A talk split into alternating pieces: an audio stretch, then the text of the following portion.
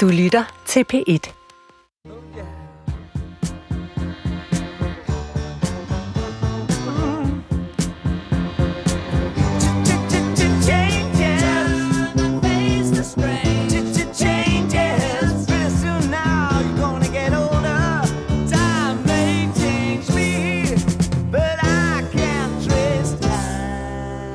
Turn and face the strange.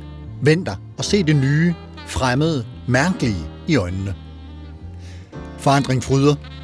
Eller gør det? Er det mere præcist at sige forandring forvirrer? Kan det forvirre på en frydefuld måde? Velkommen til Supertanker. Jeg hedder Carsten Nordmann. Prepared for anything and everything. Der var en gang, hvor jeg med jævne mellemrum tænkte på min farmor og min oldemor, som var født i 1900, henholdsvis 1896. De døde begge to inden årtusindskiftet. Men altså, de havde levet gennem to verdenskrige, fremvæksten af privatbilisme, telefon, radio og tv, charterturisme, månelanding, atomtrussel, kold krig, ungdomsoprør, p-pille, fri abort, kvindefrigørelse og et hav af andre pænt omfattende forandringer i verden og i livet. Og de fik det hele serveret, nogen vil måske sige kastet i hovedet, af en beredvillig og eskalerende presse på adskillige platforme. Og jeg tænkte, det var da helt vildt. Men nu er jeg selv over 50, og min levetid har også budt på let at være. Kold krig, atomtrussel, mobiltelefoner, terrorisme, flygtninge, hjemmecomputere, internet, smartphones, sociale medier, demokratikrise, klimakrise, biodiversitetskrise, MeToo, BLM, identitetsdiskussioner og så helt vildt meget videre. Og man kan ikke sige andet end, at tempoet for forandringerne er røget i vejret siden min formødre. Både de nære forandringer i bybilledet og omgangsformerne, og de store globale omvæltninger. Alle sammen trækker de eksistentielle tråde på spor. Daniel Hjort, fotograf af blandt andet forandringer, som du viser i fotobogen Leben, en 2022 udgivelse. Velkommen til dig. Ja, mange tak. Allerførst skal vi lige høre lidt om din interesse for fotografi. Hvor kommer den fra? Ja, altså, den startede nok, da jeg var omkring 16, tror jeg. Jeg gik i gymnasiet, og øhm, af en eller anden grund, så fik jeg den idé, at jeg skulle købe et kamera. og øh, jeg havde sådan nogle, nogle konfirmationspenge liggende fra den gang. Og øh, så var jeg, tror jeg, tog til Næstved, jeg er vokset op nede på Sydsjælland, så tror jeg, jeg tog den ned og købte et spejlflexkamera. Og okay, du gik det... direkte til Spejlerflex. Ja, det gjorde jeg. Jamen, det, var lige, øh, jamen, det var lige den tid, hvor det var smart at have sådan et. Okay. Og så gik der noget tid egentlig, jeg fik egentlig ikke brugt det så meget, men så stille og roligt, så voksede den her interesse frem, og øh, grundlæggende fandt jeg ud af, at det var en måde ligesom at være, i, altså være tæt på ting på, at erfare ting på en eller anden måde. Altså lige pludselig begyndte jeg ligesom at lægge mærke til en masse ting, altså til tingene omkring mig og til lyset, og hvordan også lyset ligesom forandrer sig i løbet af dagen, og altså alle de her nære ting på en eller anden måde. Du fandt ligesom ind i det som, som en, en form for faglighed i, i øh, fotografiet, eller hvad? Jamen, det kom først lidt senere. Altså, grundlæggende var det mere det her med at se, altså at begynde at, at lægge mærke til ting igen. Altså, for det gør man jo for eksempel, når man er barn, så laver man jo ikke andet end at se og forundre sig og sådan der. Men når man bliver lidt ældre, så stopper man, eller ikke at man stopper med det, men så bliver det mere måske noget, man registrerer rent sådan, okay, der er en bil, og det ved jeg ikke, der er et menneske og så videre. Men det der med at begynde at se igen for alvor og lægge mærke til ting, og også vælge nogle ting ud og sige, om det her synes jeg er spændende, det her synes jeg er interessant. Det, det kunne kameraet, det kan kameraet stadigvæk for mig. Men, men, men det har jo tændt dig så meget, det her fotografi, at du har valgt det som uddannelse og sidenhen levevej. Altså, hvad, hvad er det der i det, som, som, øh, som tænder en ild øh, for dig? Jamen, jeg, jeg tror for mig er det det der med, at, altså for mig bliver det en, en måde at være tæt på verden på. Altså at lægge mærke til verden og lægge mærke til de små forskelle. Altså jeg synes, det knytter mig helt vildt til verden, og jeg synes det, altså alene det der med at få øje på ting og se ting, det synes jeg giver en, en umiddelbar glæde øh, mm. for mig og en mening. Og så også det med selvfølgelig at, at indkapsle den, at fotografere den, og, og på en eller anden måde prøve at formidle den til andre på en, øh, altså på en nonverbal måde. Noget, der ikke er det sagte, altså noget, man ikke siger, men noget, man viser på en eller anden måde. Det synes jeg, er, det synes jeg stadig er helt vildt fantastisk, at man kan det. Jeg synes, at man oplever, at, at, at fotografer af forskellige beskaffenhed, de øh, specialiserer sig inden for særlige motiver. Har, har, har du gjort det? Altså nu har du lavet den her bog, som er billeder af en by i forandring. Men, men, men er der sådan en særlig øh, type af motiv, som, som du øh, dyrker særligt? Altså det er jo også noget, der er levende, og noget, der er i forandring på en eller anden måde. Øh, men man kan sige, at det sidste, i hvert fald fire år, har jeg været meget interesseret i, i byen, og i, kan man sige, byens udvikling. Øhm, og byens forandring. Altså, øh, også hvad vil det overhovedet sige at være en by, og hvad vil det sige, at en by udvikler sig? Det synes jeg har været, det har været nogle af de ting, jeg har kigget på. Mm. Line Tanggaard, du er professor i psykologi på Aalborg Universitet og rektor på Designskolen i Kolding. Velkommen til dig. Tak. Og nu fik jeg det der i med. Den hedder bare Designskolen Kolding. Designskolen Kolding. Du er psykolog, ansat på Aalborg Universitet, som sagt, sammen med blandt andre Svend Brinkmann, og så er du altså rektor for den her designskole. Og jeg kan ikke lade være med at tænke på, hvad er det for et menneske, der spænder over det, og ovenikøbet i hver sin ende af, af Jylland? Ja, det må være sådan en faglig borderliner. øhm, jeg øhm, begyndte at interessere mig meget for kreativitet, øhm, efter at jeg havde lavet min Ph.D., og øh, fordi jeg blev øh, nysgerrig på sammenhængen mellem øh, mesterlærer, som jeg øh, forskede i, og så øh, øh, nybrud. Altså, hvordan lærer man det, der er? Det gør man jo af mester på mange måder. Øh, og hvornår bryder man så? Øh, og det ledte mig ind i kreativitetsforskning, og på den måde også ind i designverdenen, fordi øh, kreativitet er meget centralt for designer. Man kan sige, at design er et fag, hvor man professionelt altså, og disciplineret er kreativ. Øh, det er styret kreativitet? Det er simpelthen styret kreativitet, øh, og det betød, at jeg blandt andet blev, blev opponent på en phd afhandling fra Designskolen. Så blev jeg inviteret som keynote på et tidspunkt på en, en stor international konference, hvor jeg talte om, at vi skal gå fra design thinking til design doing, altså vi skal også gøre noget med mm. design. Og ja, så blev jeg ringet op på et tidspunkt og spurgt om om jeg kunne tænke mig at søge stilling som rektor. Om det kunne være af interesse for dig. Men hvis vi nu lige træder et skridt længere tilbage, fordi du er, som, som du også selv øh, siger, du er, er begyndt i psykologien. Hvad, hvad trak dig ind i den? Jamen, øh, jeg stod og tænkte på, da Daniel øh, fortalte om det at se øh, på øh, jorden og på mennesker. Øh, det tror jeg, jeg gjorde meget som barn. Jeg kan huske, at jeg observerede meget, øh, som vi kalder det i psykologien. øh, jeg, jeg så meget på andre mennesker. Jeg undrede mig meget over den måde, mennesker lever deres liv på. Og øh, så øh, er jeg sådan et idrætsmenneske, så jeg kom på idrætshøjskole, og der valgte jeg så psykologi som fag. Jeg var ikke klar over som barn, at, at jeg egentlig på en måde gik rundt og, og, og, og var næsten som en psykolog, som en lille ja. forsker. Ja. ja. Og, øh, og der mødte jeg Jørgen Richter, øh, en psykologilærer der, som, øh, og jeg tænkte... Øh, hvis man kan være så fantastisk et menneske, så må det have noget at gøre med det fag også.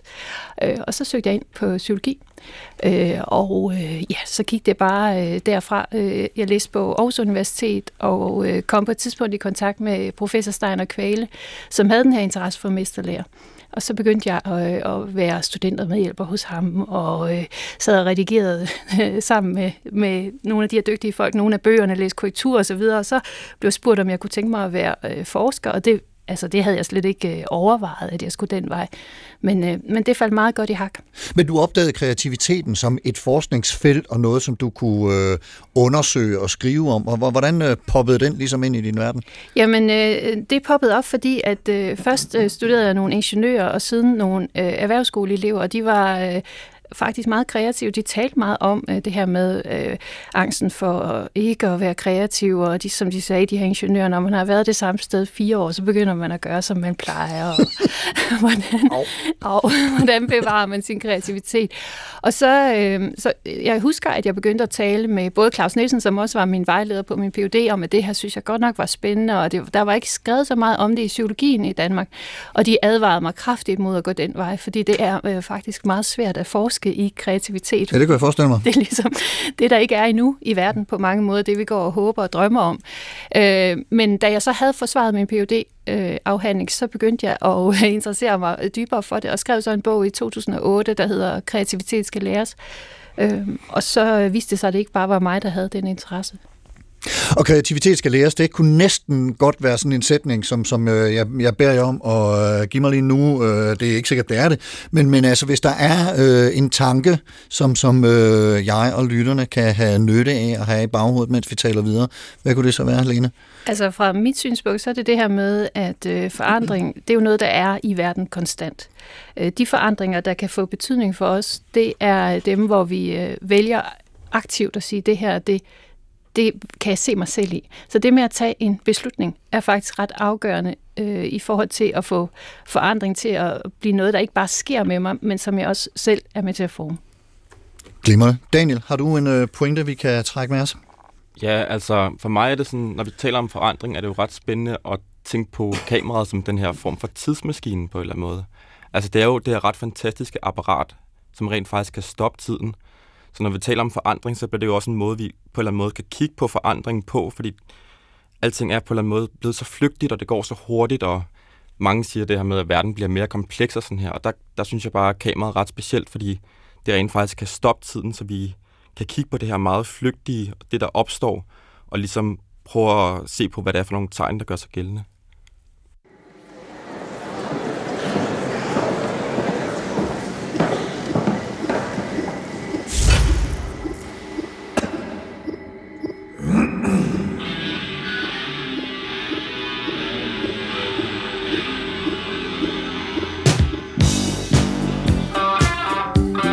Mange vil nok sige, det for alvor tog fart i det 19. århundrede.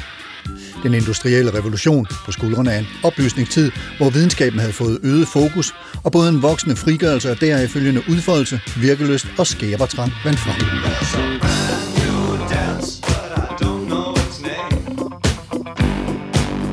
Dampmaskine, elektrisk lys, benzindrevet bil, flyvemaskine – men der er også bred enighed om, at det er i det 20. århundrede, at udvikling og dermed forandring af vores verden får fat. Faktisk hører flyvemaskinen også til i det 20. århundrede. Det var i 1903, at brødrene Wright gennemførte den første bemandede flyvning med en motoriseret maskine.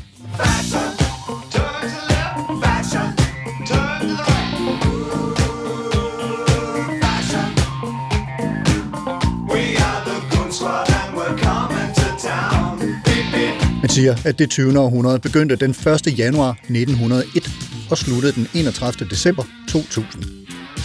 Og når man tager et kig ud over ting, der fandt sted i løbet af de 100 år, så er der ikke noget at sige til, at man kunne opleve det som rimelig hæftigt. Første verdenskrig, som hedder første, fordi ideen om en krig, der omfattede det meste af verden, i hvert fald den, som mange havde øje for, det vil sige den vestlige, eurocentriske verden, fandt sted i årene 1914-18 og rystede selv samme verden i dens grundvold. At en sådan grusomhed kunne finde sted, hvor den gjorde, og så massivt og over så lang tid, som den gjorde, havde ingen drømt om.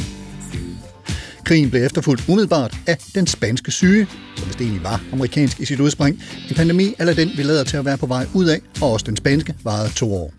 Fra februar 1918 til april 20. Den tog anslået livet af 50 millioner mennesker.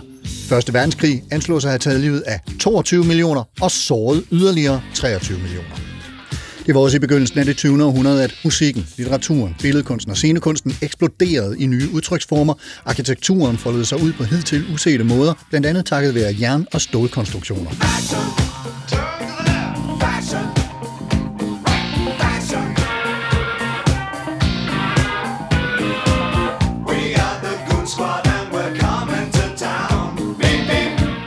I 1905 formulerede Einstein den specielle relativitetsteori, som rykkede tæppet væk under vores opfattelse af tid og rum. I 1923 lancerede Freud sin teori om sjælens tredeling, herunder ideen om det underbevidste og ubevidste. I 1928 opdagede Sir Alexander Fleming penicillin. I 1929 krakkede verdens finansmarkeder. Nazismen voksede frem. 2. verdenskrig overgik første i målrettet menneskelig nederdrægtighed med holocauster, atombomber over Japan. Vi fik FN, staten Israel, Maos Kina, Stalins Sovjetunionen, krige i Korea og Vietnam, med Vietnamkrigen som verdens første møde med direkte tv-optagelser af død og ødelæggelse. Kold krig mellem øst og vest, borgerrettighedskampe brød ud, studenteroprør, månelanding, kvindefrigørelse, p-piller, pornografi og abort, neoliberalisme, Tjernobyl, murens fald og pludselig historiens afslutning.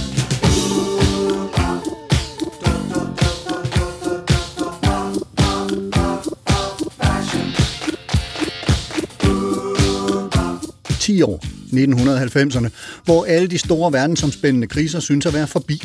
Vi blev begunstiget med personlige computere og internettet, som var et videns- og demokratisk slaraffenland, indtil det hele brød sammen i det 21. århundredes første årti, hvor islamister angreb USA den 11. september 2001, Krigen mod terror eskalerede, flygtningestrømme begyndte at banke på i de lande, som havde spillet en eller anden form for rolle i deres oprindelige hjemlandes ødelæggelse. Verdensøkonomien brast sammen igen og blotte nogle af kapitalismen og liberalismens ømme punkter. Vi fik sociale medier og smartphones, bredbånd, tvivl om demokratiets velsignelser, og det hele ledsaget af biodiversitets- og klimakriser, inklusiv en tiltagende diskussion, om det nu også var vores skyld alt det.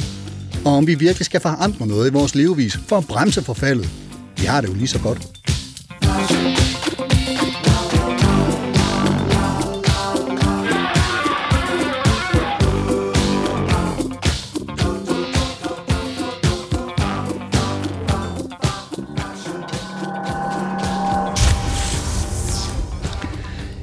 Ja, et øh, rimelig turbulent øh, århundrede, øh, som vi øh, er kommet ud på den anden side af her for en 20 års penge siden. Daniel Hjort, du er øh, som sagt fotograf og har udgivet den her bog, Leben. Øh, kan du ikke kort fortælle, hvad det er, du gerne vil, vil udtrykke med den, og hvad det er for en fortælling, den folder ud, også hvad angår det her forandringsaspekt?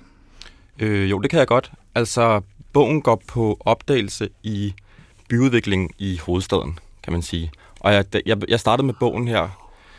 Jeg flyttede til, til København i 10'erne, og jeg havde et eller andet, altså jeg, jeg fik på fornemmelsen, at hele byen var på en eller anden måde under en eller anden form for belejring. Øh, og der var den her forvandling i gang på en eller anden måde af bylandskabet. Altså øh, hele det her byggeboom, der har været i gang, øh, har på en eller anden måde forandret hele byens landskab. Og jeg synes ligesom, det var spændende at se på den her øh, udvikling som en eller anden form for permanent størrelse.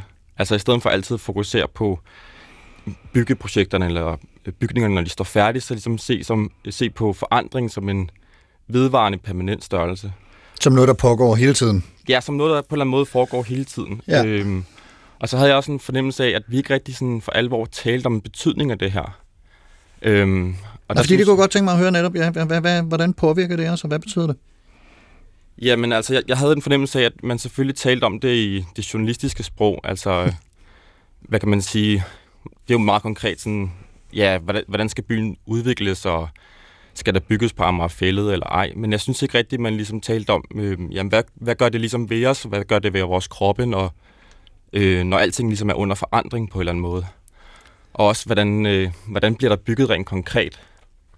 Øh, altså, hvad er det for nogle materialer og overflader? Hvad gør de her overflader ved os? Altså, der synes jeg, det var spændende på en eller anden måde at med kameraet gå på opdagelse i den her byudvikling. Men, men, men altså, det, det, det påvirker jo på en eller anden måde vores, vores øh, liv, øh, det vi kalder øh, det gode liv, som, som øh, arkitekturen jo, jo øh, i nogen grad også skal være med til at, at befordre og by en retning som, som en, en sådan lidt større, man kan måske ligefrem kalde det makroarkitektur. Øh, øh, har, har du øh, i, i din bog og dit arbejde med, med at fotografere de her forandringer forholdt dig til, hvad det er, øh, hvordan det påvirker vores, vores liv og, og vores måde at være i det? Ja, altså det er jo, det er jo ret spændende det her med, at, at arkitekturen øh, på en eller anden måde siger noget om, hvad det er, vi tænker som det gode liv lige nu. Altså, øh, det, det tror jeg ligesom, jeg har været meget optaget af. Øh, men så tror jeg også igen at se det her med forandringen som en permanent størrelse, så når vi ser hele byen plastret til i byggehegn og trafikkejler og så videre. Refleksmænd. Ja, og altså de her refleksmænd igen. Øh, så på, på en eller anden måde se det som arkitektur, altså se det som noget vedvarende. Altså, fordi jeg tror, når vi enormt tit så, så kigger vi på et, et eller andet byggehegn, og så er der et billede af arkitekternes tegning af den færdige bygning. Men den virkelighed, vi oplever som byboere, det er jo den her konstante forandring, fordi når de er færdige det ene sted, så går de jo i gang det næste. Så jeg tror ligesom, for mig var det spændende ligesom at se den, den her midlertidighed som en øh, permanent størrelse, altså som noget, vi er nødt til, som vi lever i, og som vores kroppe befinder sig i, øh, og som påvirker os på en eller anden måde. Øh, så, se, så se det som arkitektur, se det som noget vedvarende. Hvad, hvad siger du til det, øh, Lene Tanker, kreativitetsforsker, øh, den her e-, e- evige proces, øh, den her forandring, øh, hvad, hvad, hvad, øh, ja, hvilke forandringer ser du omkring os, og hvordan, hvordan påvirker, bliver vi påvirket af dem? Altså, man kan sige, at kreativitetsforskning vokser jo frem i takt med den øh, forandring, der er blevet beskrevet her, altså det 20. århundrede. Ja. Øhm, hele den der også enorme optimisme, der er knyttet til øh, altså videnskaben, og øh, de, de små fortællinger afløser de store fortællinger, og alt kan lade sig gøre. Øhm, det påvirker os øh, meget som mennesker, fordi man kan sige, at vi er jo stadig øh, altså, forholdsvis stabile som, som art. Altså, øh, det, evolutionen er i hvert fald langsom. Og det vil sige, at vores kroppe, som Daniel siger, kan jo ikke altid følge med. Øh, og, øh, og man kan jo også diskutere, øh, nu er jeg ikke arkitekt, men hvor meget øh, arkitekturen og designet øh, inviterer til et øh, godt liv. Mm. altså, øh, man kan jo godt øh, tegne det ind på modellen, at her sidder der nogle mennesker og, og taler sammen og hygger sig, og her er der et stort træ og sådan noget, men det er jo, det er jo beboet liv, som tager, øh, det, det er langt længere øh, processer. Øh, det, et er at få nøglen til huset, noget andet er at, at bebo det. Ikke? Jo. Øh, og det, det er ligesom den proces, altså den menneskelige dimension af arkitekturen eller designet, som, som er ret interessant, øh, når vi øh, står i en tid, hvor man kan sige, at øh, forandringerne accelererer. Ja. Øh, og det, det kan vi se historisk også. Det har man... Altså man bliver helt stakkerne, når man hører om det 20. århundrede, øh, og jeg har jo ikke halvdelen med af det, der er foregået. Nej, og det er jo teknologien, der gør, at idéer kan flyve hurtigere rundt, og vi kan øh, infrastrukturen, der gør, at vi kan flytte ting rundt meget hurtigere. Ja. Så mennesket har altid været kreativt og, og findsomt øh, som art. Øh, det er vi simpelthen skabt til at forestille os en fremtid og udvikle teknologi og redskab, men det er gået ekstremt hurtigt øh, de sidste 120 år. Daniel?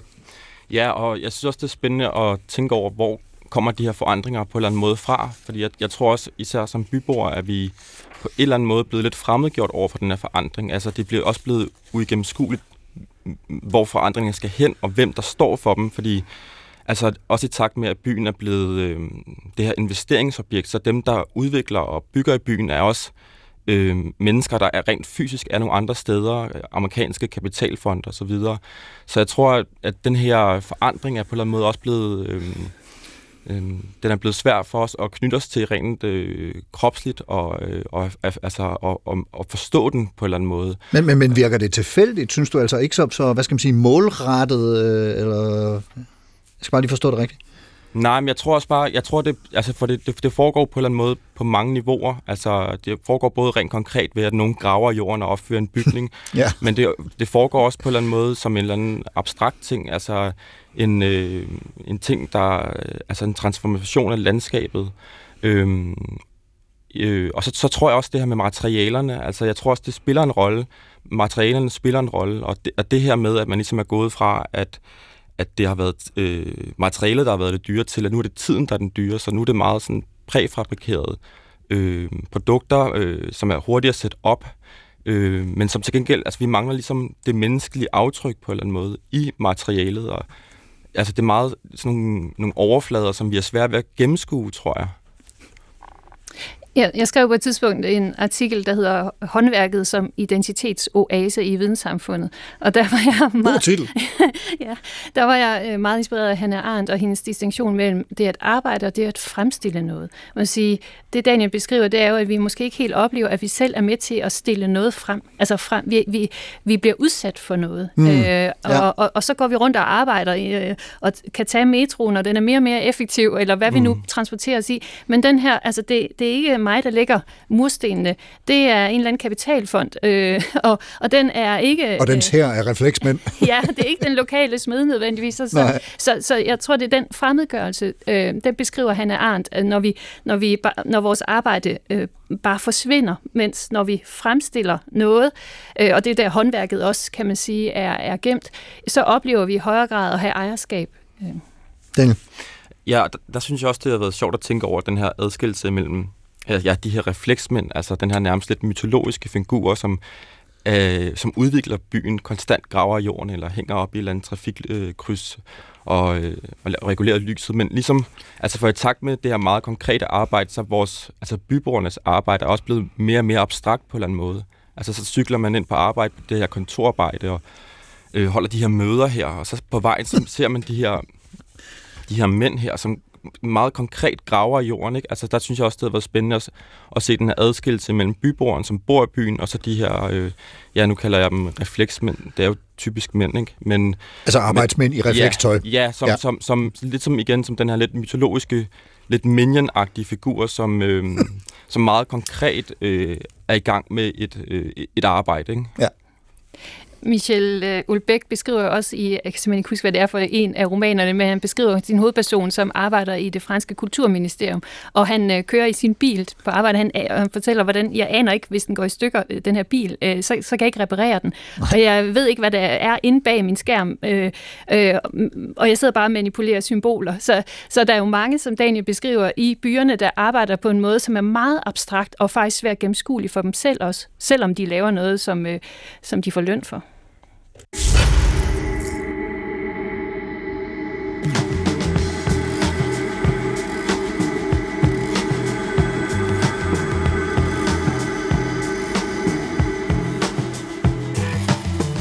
Theseus, muligvis søn af Ægeus, Athens konge, muligvis søn af havguden Poseidon. Han blev opfostret af sin mor, Aetra, og rejste til Athen for at opsøge sin far, Ægeus, som i mellemtiden havde dannet par med Medea, som tidligere havde været gift med Jason. De gamle grækere lod ikke moderne sæbeoperaer meget tilbage at ønske. Theseus er mest berømt for at have slået Minotauren ihjel, dette mytiske væsen, halv tyr, halv mand, som boede i labyrinten, skabt af Daedalus og hans søn Ikaros.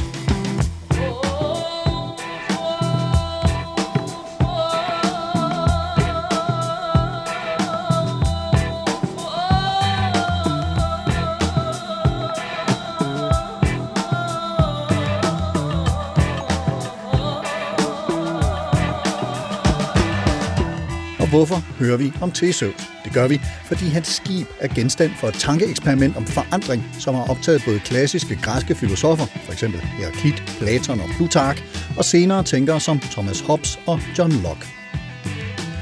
Og tankeeksperimentet går i al sin enkelhed ud på, at Theseus' skib, som rejste langt og vidt omkring, i sagens natur blev slidt. Først gik en træplanke til i tæring, den blev skiftet ud, så gik en anden planke til og blev skiftet ud, og til sidst var alle plankerne nogle andre end de oprindelige, hvilket ledte filosoferne til at spørge, er det så stadig Theseus' skib? Er det stadig det samme skib?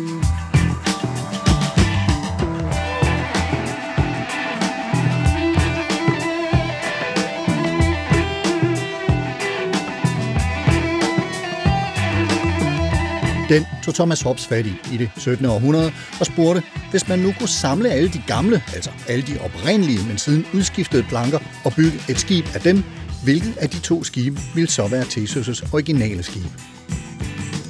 Spørgsmålet er ikke enestående for Europa og europæisk tænkning. I en gammel buddhistisk tekst med en meget lang titel på sanskrit, Mahaprajna Paramitopadesa, det betyder noget i retning af transcendental visdom på 25.000 linjer, som jo også blev oversat til kinesisk Dajiduyun.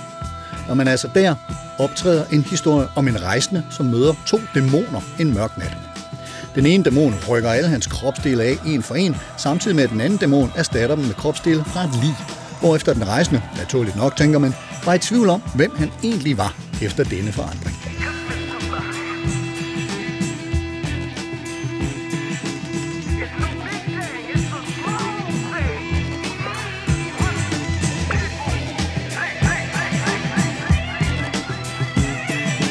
Det var Heraklit, der forsøgte at løse problemet ved at bringe floden i spil, ved at sige, at de, som træder ned i samme flod, vil blive skyllet af nyt og andet vand igen og igen. Hvortil Plutark svarede, at man ikke kan træde ned i den samme flod nogensinde, fordi floden altid bliver spredt og samlet igen, kommer nærmere og fjerner sig. Og endelig løfter den amerikanske filosof Theodore Sider det op i sin metafysiske tænkning. Og her skal vi lige spidse ører og holde tungen lige i munden. Ved at foreslå, at alle genstande strækker sig over tid. Det vil sige i, i alt fire dimensioner. Altså at tredimensionelle objekter har en fjerde dimension, som er tiden.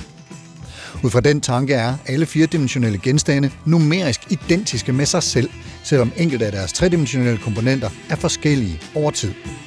På den måde består floden og Theseus' skib af forskellige tidsskiver af tredimensionelle objekter, mens den forbliver numerisk identisk med sig selv over tid. Så man kan altså ikke træde ned i den samme tredimensionelle flodskive to gange, men man kan godt træde ned i den samme firedimensionelle flod to gange. Den har ikke ændret sig. Would you mind saying that again? Der er forandringer rundt om os hele tiden. Nogle kører i ring med et årshjul og er dejlige og giver afveksling og mangfoldighed, mens andre er mere omkalfatrende, lineære og sender os og vores verden i retninger, som nogen er glade for, og andre synes er forstyrrende for, hvordan de gerne vil have livet og verden til at hænge sammen. Og nu skal vi prøve at se, om vi kan bede øh, filosofien og andre fagligheder om hjælp øh, til at forstå det her, altså forknytte lidt øh, filosofisk perspektiv til de her overvejelser om øh, forandring. Og Daniel Lord, øh, fotograf, du har blandt andet kigget på den nulevende franske filosof, som bliver inddraget her i programmet med jævne mellemrum, nemlig Bruno Latour. Hvordan har han øh, hjulpet dig med at forstå det her? Altså, man kan sige, rent konkret har jeg jo har han fået mig til ligesom at vende blikket mod jorden. Altså, at kigge mod jorden og kigge mod det, der ligesom forbinder os til landskabet, og det er jo jorden. Og, og der er jo så meget af den, at man nogle gange godt kan glemme, at det egentlig er det, vi alle sammen er bundet sammen af. Øhm, så, og en vis stabilitet måske også i virkeligheden der. Ja, men altså, ja, så i bogen er der, øh, der er faktisk overraskende mange billeder af jord og af jordbunker og alle de her efterladenskaber fra byggeriet, som vi, mm, som vi ser som affald og som vi ser som skrald på en eller anden måde og støj og noget, vi gerne vil gemme væk. Men det har været vigtigt for mig at kigge på det her, fordi at det, ja, for det første, så fylder det jo bybilledet overalt. Øh, men også for at prøve at forstå, øh, at, at den her udvikling kommer et sted fra, og at øh, også at den er knyttet til jorden, ikke? Altså at øh, der er også et, et bæredygtighedsspørgsmål i det, altså det er ikke bare en forandring, der kommer af ingenting. Øh, men, øh, men, men at kigge på jorden, og så øh, kan man sige, bogen er der jo øh, er et blik på byen, men det er på en måde også en bevægelse øh, ind i byen og igennem byen. Og man kan sige, fra de første billeder, der er i bogen, og til slutning, er der også et, en bevægelse, altså fra at man kigger ned mod jorden, og man så kigger, man slutter faktisk med at kigge op mod himlen, så der er, både en bevægelse ind i byen, men der er også en, altså en, en bevægelse i blikket øh, fra jorden og op mod himlen. Men, øhm, ja. Ja, så, så jeg tænker på, når du har de her billeder af jord øh, og inspireret af, af Bruno Latour, er det, så, er det så jorden for dig at se som hvad skal man sige, symbolsk for en eller anden form for, for stabilitet og, og, og noget, vi kan regne med, som vi står på, og tyngdekraften holder os fast. Øh, og det kan godt være, at det pifter med forandringer og mørne på os, men, men jorden har vi da, eller hvad? Jamen, jeg tror, det er mange forskellige øh, henseender. Altså, fordi jorden er jo også blevet det her investeringsobjekt. Det er blevet den her ting ja. i byen, der, øh, der genererer vækst. Og det er også sådan, jamen, hvad er det for en vækst? Altså, hvor kommer den vækst fra? Det er jo ret sådan det er jo ret abstrakt i virkeligheden, ikke? Så, så også prøve at se, øh, altså, mm, hvad er det for en værdi, der er knyttet til byernes jord, og hele den her matrikeldannelse, og altså at kigge på, både kigge på byen som, som vægge og bygninger, men også kigge, den som, kigge på den som areal, ikke? Øh, og det, ja, det synes jeg har været spændende. Ja. Lene Tanker, du har også nogle øh, inspirationskilder, øh, som, som du læner dig op af, og, og vi lægger ud med et par, ikke, de er ikke et par i virkeligheden, men, men øh, en amerikansk psykolog, tror jeg hun er, Jean Lave, som er inspireret af den franske sociolog Pierre Bourdieu. Hvad, hvad henter du af dem? Ja, hun, hun er antropolog. Antropolog. Øh, men øh, hun... Øh, blev betydningsfuld for mig, da jeg besluttede på psykologistudiet, at jeg ville prøve at undersøge, hvordan mennesker lærer. Og øh, det vil jeg prøve at gøre uden for skolen. Øh, vi kan jo godt komme til at tænke nogle gange, at det er i skolen, man lærer, så arbejder man alle andre steder. Så jeg gik ud øh, og tog faktisk til Danfoss og studerede produktudvikling, øh, og øh, der havde jeg brug for teorier, der kunne forklare, hvordan man lærer, mens man øh, arbejder. Og øh, der havde hun sammen med Tjen Wenger skrevet en... Øh, først havde hun skrevet Cognition in Practice, som er en, en bog om, hvordan tænkningen fungerer i praksis. Den kom i 88, og så i 91 kom Situated Learning, øh, Jean Lave og Etienne Wenger øh, som baserer sig på fem studier af mesterlærer blandt andet, og det var lidt det, jeg var inspireret af. Og så begyndte jeg at læse det, og man kan sige, det er teorier, som jo opstår i øh, 70'erne, begynder at blive udviklet der, og så bliver publiceret senere, som har øh, et grundspørgsmål, der handler om, hvordan øh, bryder mennesker ud af, af de strukturer, der er. Øh, og det var jo forandre altså, deres vilkår i virkeligheden. Lige præcis, ja. og det var jo også i altså, ungdomsoprøret hele den tid med, med opbrud og autoriteternes forfald osv. Og, øh, og, øh, og så går hun øh, i øh, dialog med øh, Pierre Bourdieu, fordi han øh, har jo den her øh, teori om, hvordan øh, altså den sociale reproduktion i virkeligheden foregår, og at den foregår øh, med vores kroppe, øh, så det her habitus, altså de smagspræferencer, vi har, det vi foretrækker i vores liv, det er øh, klassebestemt, det er strukturerende strukturer, der virker ind i min krop. Og så siger Jean Leif på et tidspunkt til øh, Bourdieu, så siger hun, det er fint, jeg er meget inspireret, at, fordi det er i verden, men du har ikke noget begreb om det at lære. Øh, altså, hvordan skal vi forklare det forhold, at nogle individer og personer faktisk springer ud af deres vilkår? Altså, der hvor det ikke bliver reproduktion. Men Altså der, mønsterbrydere. Lige præcis, Ja. blandt andet, men også mere end det, altså fordi vi jo alle sammen øh, i det små, øh, kan man sige, om det er firedimensionelt eller hvad det er, lægger nye lag på noget, som måske alligevel er det samme. Øh, og der er nogle af de her undersøgelser, der jo også øh, peger på, at, at når den sociale reproduktion så foregår, altså for eksempel Paul Willis og hans fremragende undersøgelser af britiske arbejderklassedrenge, som umiddelbart fremstår som ballademager i skolen, men i virkeligheden så er de aktivt engageret i, og, og, og altså der er en modstand, som ikke bare er en passiv, altså billiardkugle, der bliver skudt afsted i et mekanisk mønster. De gør selv reproduktion. Og det blev jeg helt vildt optaget af, og tog de der teorier med ned, og så på et tidspunkt så øh, måtte jeg også træffe nogle valg, fordi man kan jo ikke have øh, alle teorier på én gang, øh, fordi så øh, er det faktisk svært at se verden. Ja. Så jeg måtte lægge Bourdieu en lille smule øh, væk, øh, fordi at man har brug for at stå et sted for også at kunne opdage noget nyt. Øhm, og så er det så, at jeg blandt andet også begynder at læse uh, Richard Sennett, uh, The Culture of the New Capitalism. Det er jo lidt det, vi også har talt om nu her. Mm. Jeg tror, den er fra well, 2012, eller måske er den lidt før, men i hvert fald øh, begynder han at skrive om håndværk. Øh, og lige præcis som den her, kan man sige, eksistensform, der ikke bare går ud på at, at, at vækste, eller ikke bare går ud på at, øh, at øh, investere og få noget tilbage igen, men hvor det handler om at sige, at øh, der er altså noget, altså en håndværker er, som han øh, siger, optaget af sagen selv, Øh, og øh, det dybe engagement i sagen selv kan faktisk gøre, at man overser nogle muligheder. Til gengæld er det måske øh, et, øh, et lidt bedre øh, liv.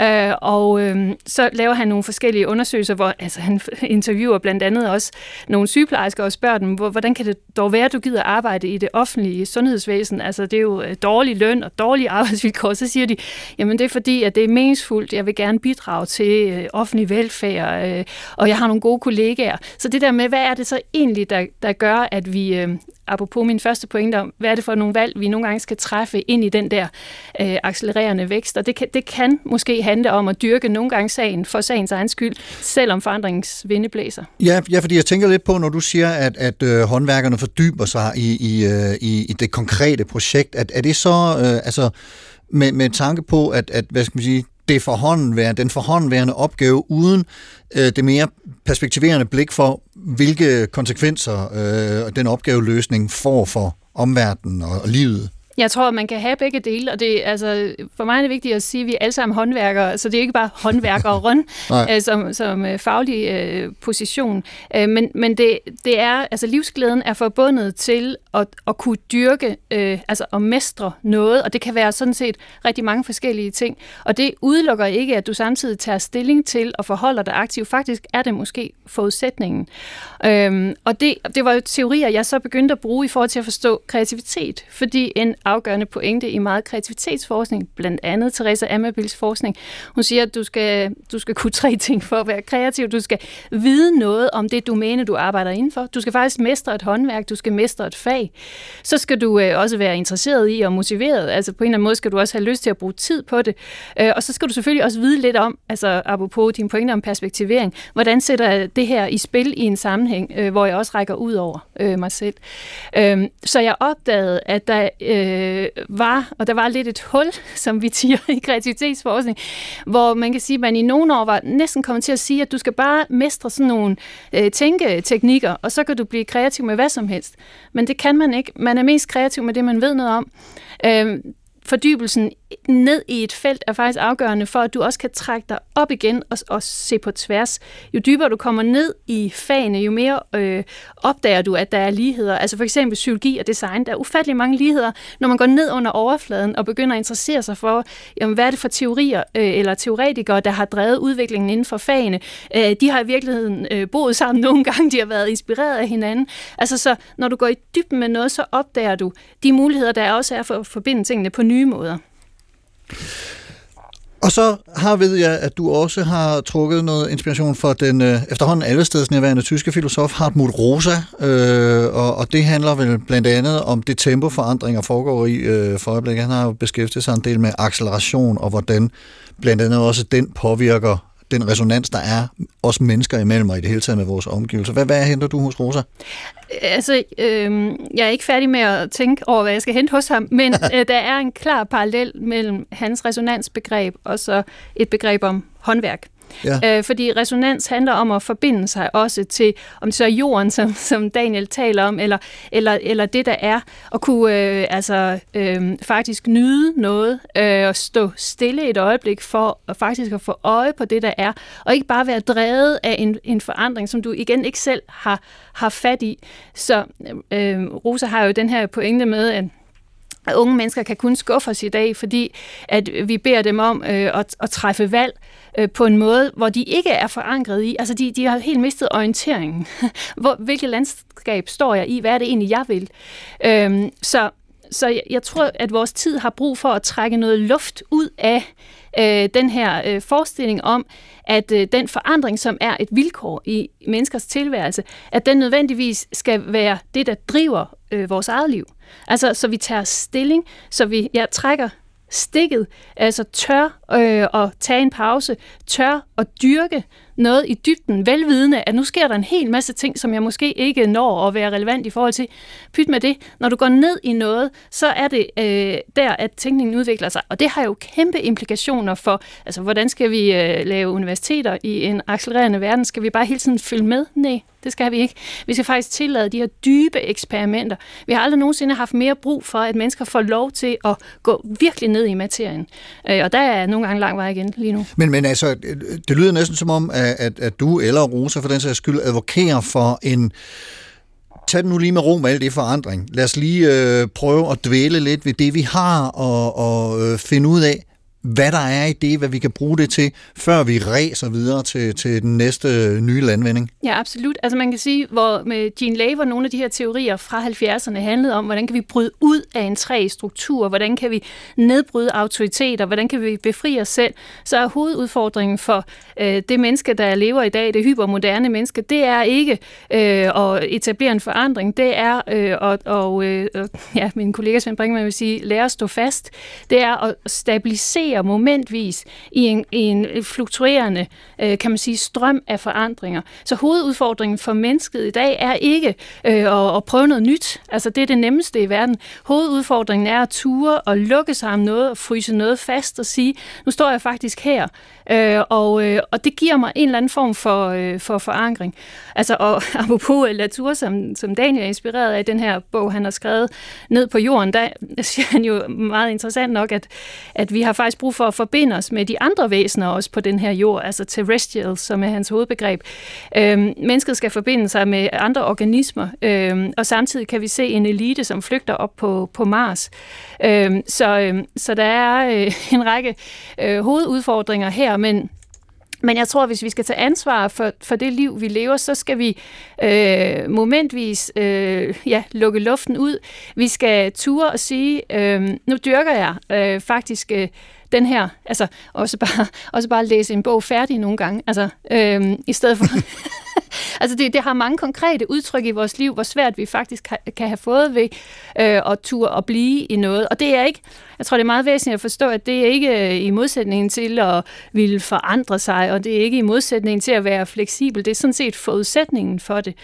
Øhm, på en konference i Schweiz på et tidspunkt hørte jeg en af mine kollegaer, en kognitionspsykolog, som fortalte, hvordan at man i mange år har bildt folk ind, at de på tre dage vil kunne lære at tænke kreativt, og, og øh, som hun sagde, det, det hænger så, altså ikke sammen med vores teorier om, hvordan menneskelig kognition fungerer, fordi vi har faktisk brug for øh, at etablere øh, relationer eller øh, synapseforbindelser øh, og, og konsolidere noget, og det, det er med afsæt i det, at vi kan begynde at lave nye forbindelser. Mm. Øh, så du lærer at være kreativ ved at, at gå, øh, lære om noget, altså ved at, altså, og derfor passer det heller ikke, at vi fremtiden kun skal lære at lære. Altså vi skal lære noget, og, og selvom det øh, noget øh, bliver forældet meget hurtigt, så er det forudsætningen for at lære, hvordan man lærer. Og jeg står lige og kommer til at, at, at tænke på noget i, i forlængelse af det, du siger her, øh, og jeg ved ikke, om det er bare noget, jeg har konstateret. Nu er det så, øh, tror jeg, psykologiprofessoren, jeg stiller spørgsmål til. Det forekommer mig, at i løbet af de senere år, der er øko, øh, evolutionspsykologien vundet øh, rigtig meget frem. Man er begyndt at virkelig studere, hvad det er, vi har lært for tusind år tilbage øh, på, på, i vores liv på savannen, som stadigvæk manifesterer sig i vores psyke i dag og vores måde at, at opleve verden på. Altså, at, at, at det næsten også en eller anden form for, lad os lige trække vejret og se, hvad er det egentlig, vi er skruet sammen med, før vi begynder at ræse videre ud i, i alle mulige øh, forskellige landvindinger? Ja, det tror jeg godt, det kan ses som udtryk for. Altså, øh, det kan også øh, godt bare øh, være en genuin vidensinteresse, der opstår, men man kan sige, op igennem 70'erne, 80'erne og 90'erne, der har vi i psykologien, altså der, øh, selvfølgelig er der marxismen, men, men også socialkonstruktionismen, narrativ teori, vi kan kalde det alt muligt, teorier, som på mange måder handler om, hvor meget vi kan forandre. Altså, øh, hvor mange muligheder der er for at genskabe sig selv. Øh, ja. Det situerede selv, Kenneth Gergen, altså socialkonstruktionismens grundlægger, ikke? Altså, han vil ikke besvare ontologiske spørgsmål, øh, siger han på et tidspunkt. Han interesserer sig bare for, hvordan sprog skaber virkelighed osv. Og det, det har vi lært meget af, men jeg tror, så kommer der en vending, og den har sådan to sider. Det er dels det, vi kalder the material turn, som vi lidt taler om i dag, hvor man begynder at med Latour blandt andet interesserer sig for teknologi, øh, materialitet, jorden osv., men så er der også evolutionsteorien, og begge Begge positioner er på en måde øh, svar på det, man overså i den her periode, hvor man var meget, meget optaget af altså det sproglige og meget optaget af muligheden for øh, at skabe alting fuldstændig uafhængigt af det biologiske eller, eller den levende krop. Ikke?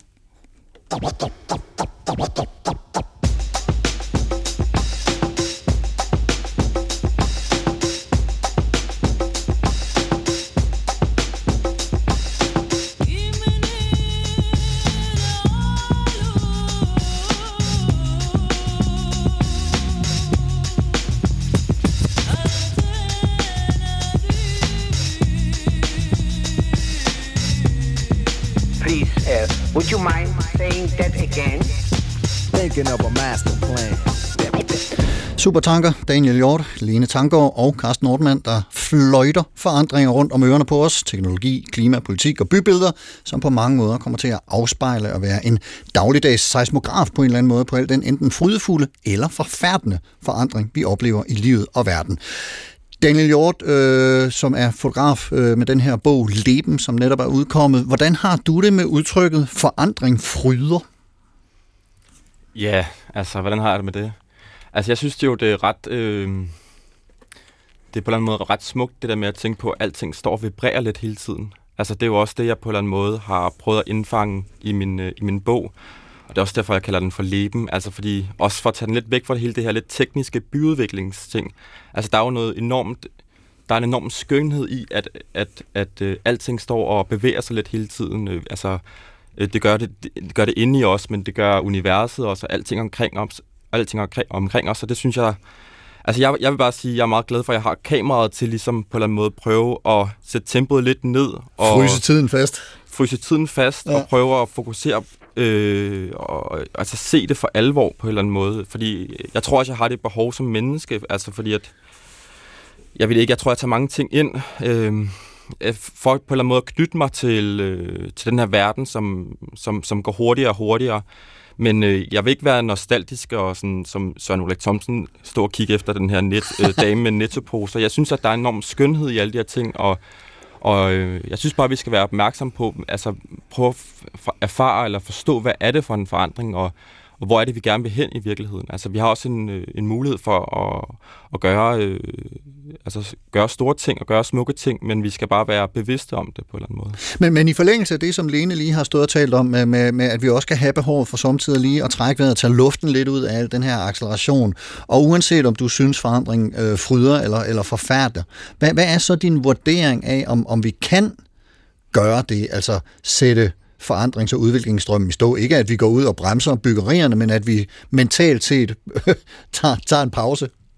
Jamen, jeg synes, at det er en god idé, altså en gang imellem lige at tage skoen af og komme ned på jorden rent konkret. Altså lige mærke underlaget under os. Altså igen, som børn er vi jo enormt gode til at, øh, at suge ting ind og lade os sådan forundre over øh, tingene omkring os. Altså en, øh, et bladlus eller en sommerfugl, eller hvad det kan være. Og det, det tror jeg nogle gange, altså det har vi lidt glemt det der. Og jeg tror, at øh, jeg tror, at vi kan opnå øh, større forbindelse til os selv og til vores kære, altså de mennesker, vi har omkring os, men også til vores by og vores, øh, vores landskab ved at lige øh, ja, tage skoen af, mærke underlaget, øh, stikke en finger i jorden. Ikke? Altså, øh, ja. det, det tror jeg, vi har brug for. Lene Tanggaard, samme spørgsmål til dig. Hvad, hvad er fryd eller forfærdelse? Øh, og er det ikke bare sådan, det er? og kan vi gøre noget ved det? Kan vi være i det? Altså tilbage til min hovedpointe, så er det sådan en forandring fryder, hvis man selv har været med til at bestemme, hvad det er, der skal ske. Ja. Øhm, hvorimod, hvis det er noget, der bare vælger ind over en, så er det, det leder til den her øh, fremmedgørelse. Og selvfølgelig er begge dele i vores verden. Det er jo ikke alting, vi selv kan gå rundt og bestemme. Men, men forandring fryder, når, når, når jeg har valgt at sige, at nu vil jeg faktisk øh, have en anden farve på min væg, eller nu vil jeg øh, prøve at gøre noget andet, mm. øh, så, øh, så opleves det som givetigt. Og, og det, altså, det er jo, har jeg interesseret mig meget for som kreativitetsforsker, hvordan kan man egentlig se verden på ny? Og det kan man jo ofte, når man flytter sig lidt væk fra det, man er i, og så vender tilbage. Det er jo sådan en dannelsesrejse næsten. Man skal ud for at kunne komme hjem igen. Øh, så det er måske også det, vi øh, skal gøre nu. Skal vi så ikke flyve rundt nødvendigvis i hele verden, for det har øh, jorden måske ikke godt af, men, men, men det der med øh, mentalt eller fysisk flytte sig for at se øh, verden på ny, det, det tror jeg, vi har brug for. Og så kom jeg til at stå og tænke på, mens I lige talte, øh, nu havde jeg møde med en designer, som øh, bor i Manchester øh, i sidste uge, og han mindede mig lige om, at hans børn kan altså ikke komme ud i naturen. Altså, øh, nødvend, altså det vil være en dagsrejse. Øh, og det synes jeg er tankevækkende, hvor privilegeret vi stadig er i Danmark, øh, selvom hovedstaden og Aarhus er store byer, så er der relativt øh, let adgang til, og jeg ved ikke om det er natur, men i hvert fald noget grønt. Det må man sige, ja. Supertanker er i land om et par minutter, men uh, inden da skal vi lige nå at høre uh, et par anbefalinger fra jer to til, hvor uh, lytterne kan gå hen, hvis de vil undersøge nogle af de her tanker, vi har været omkring nærmere. Og Daniel, du har uh, i forlængelse af din egen faglighed taget en fotobog med. Hvad er det for en? Ja, altså jeg synes, man skal prøve at kigge på den britiske fotograf Stephen Gill, som i 90'erne øh, også gik ind i, øh, i byudviklingen, det her massive byggeboom og hele den her developer-idé, øh, der ligesom opstod i, i London. Han har lavet en fotobog, der hedder Field Studies, øh, som er forskellige, øh, kan man kalde det, fotografiske undersøgelser af det her byudviklingsbegreb. Øh, og så har han så samlet det ja, i den her bog, øh, Field Studies. Den synes jeg, den har i hvert fald hjulpet mig meget til at få øje på det her, og øh, på en eller anden måde prøve at finde en, øh, en, en visuel, eller en, ja, en, en, en, en sanselig måde at forholde mig til det her byudviklingsbegreb på. Og, og, og den, eller de, ja, fordi jeg har indtryk af, at det er en serie, ja, er, er altså, tilgængelig online, eller hvad? Nej, jeg tror, at altså, det findes som en fysisk bog, men det er ligesom, man kan sige, det er en form for opsamling, fordi han lavede op igennem 90'erne mange forskellige fotografiske undersøgelser det her begreb, altså en form for indsamling nærmest, hvor han, øh, han havde også, også en ting, hvor han faktisk fotograferede folk, der var blevet væk i byen. Altså folk, der stod, det var før Google Maps og så videre, men folk, der stod med det her, øh, med sådan et øh, turistkort og spurgte andre folk om vej. Ja. Og det er jo selvfølgelig, det har vi alle sammen set, øh, det ser vi stadig engang mellem turister, der er faret vildt et eller andet sted, men det bliver både et, øh, det er både et meget konkret billede på nogen, der er faret vildt, men det bliver også et billede på byen som den her lidt labyrintiske øh, øh, fremmedgjorte størrelse, hvor vi, vi kan lige pludselig ikke længere navigere i den, og vi kan ikke, altså, og det bliver også, jeg synes i hvert fald, det har nogle, mm, det, det, det peger både på en meget konkret situation, som vi godt kender, en turist, der er vildt, men det, bare, det peger også på, på et billede på et, et samfund, der er blevet uigennemskueligt. Hmm. Og Lene, du har noget skønlitteratur med ja. til at illustrere forandringer.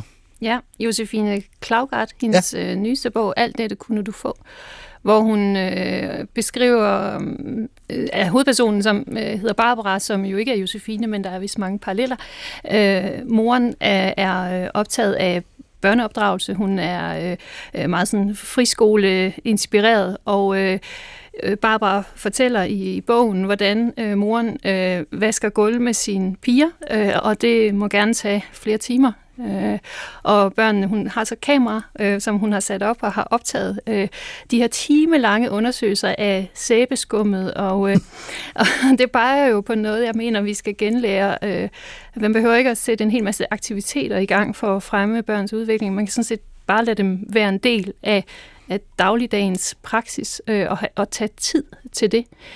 Og øh, så beskriver hun øh, også meget fint, hvad der er sket med vores øh, forestillinger om øh, det at være barn og, og voksen. Hun siger, at i dag der arver man, øh, nogen gør, men man arver ikke nødvendigvis en gård, man arver sine forældres drømme.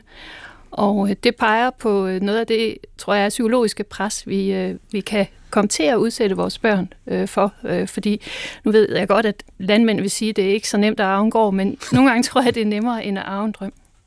Nej, det er nemmere at arve en drøm, eller end at arve en drøm. Det er nemmere end at arve en drøm, altså ja, at arve gården. Ja.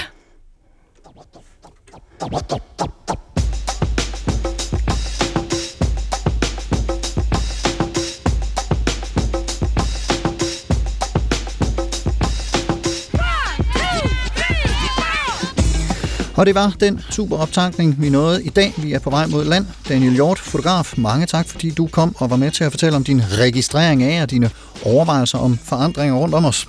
Ja, mange tak. Og Daniel Hjorts bog Leben, som jeg på det varmeste kan anbefale, er ude på forlaget Kulør og kan købes der, hvor man køber bøger, går jeg ud fra. Og Lene Tangård, professor i psykologi på Aalborg Universitet og rektor på Designskolen Kolding. Tusind tak også til dig for at delagtiggøre os i dine indsigter. Selv tak. Og som altid naturligvis mange, mange tak til dig, kære lytter, for at lytte med. Hvis du kan lide, hvad du hører, så del det med dine venner, konservative eller forandringsløsne. Man kan altid høre og genhøre denne her udsendelse i vores skønne app DR Lyd og på dr.dk-supertanker. Og hvis du har ris, ros eller idéer til programmet eller andet, du gerne vil kommunikere til mig, så skriv en mail til supertanker eller gå ind på Facebook-siden Carsten Ortmann Radio og kommenter der. Der lægger jeg også gæsternes anbefalinger og lidt links og en musikplayliste. Programmet i dag var tilrettelagt af mig. Jeg hedder Carsten Ortmann. Programansvarlig er Gustav Lytsøft. Ha' en rigtig god uge og på genhør.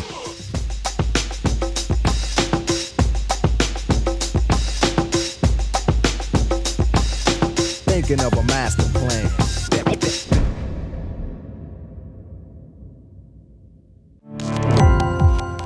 Gå på opdagelse i alle DR's podcast og radioprogrammer. I appen DR Lyd.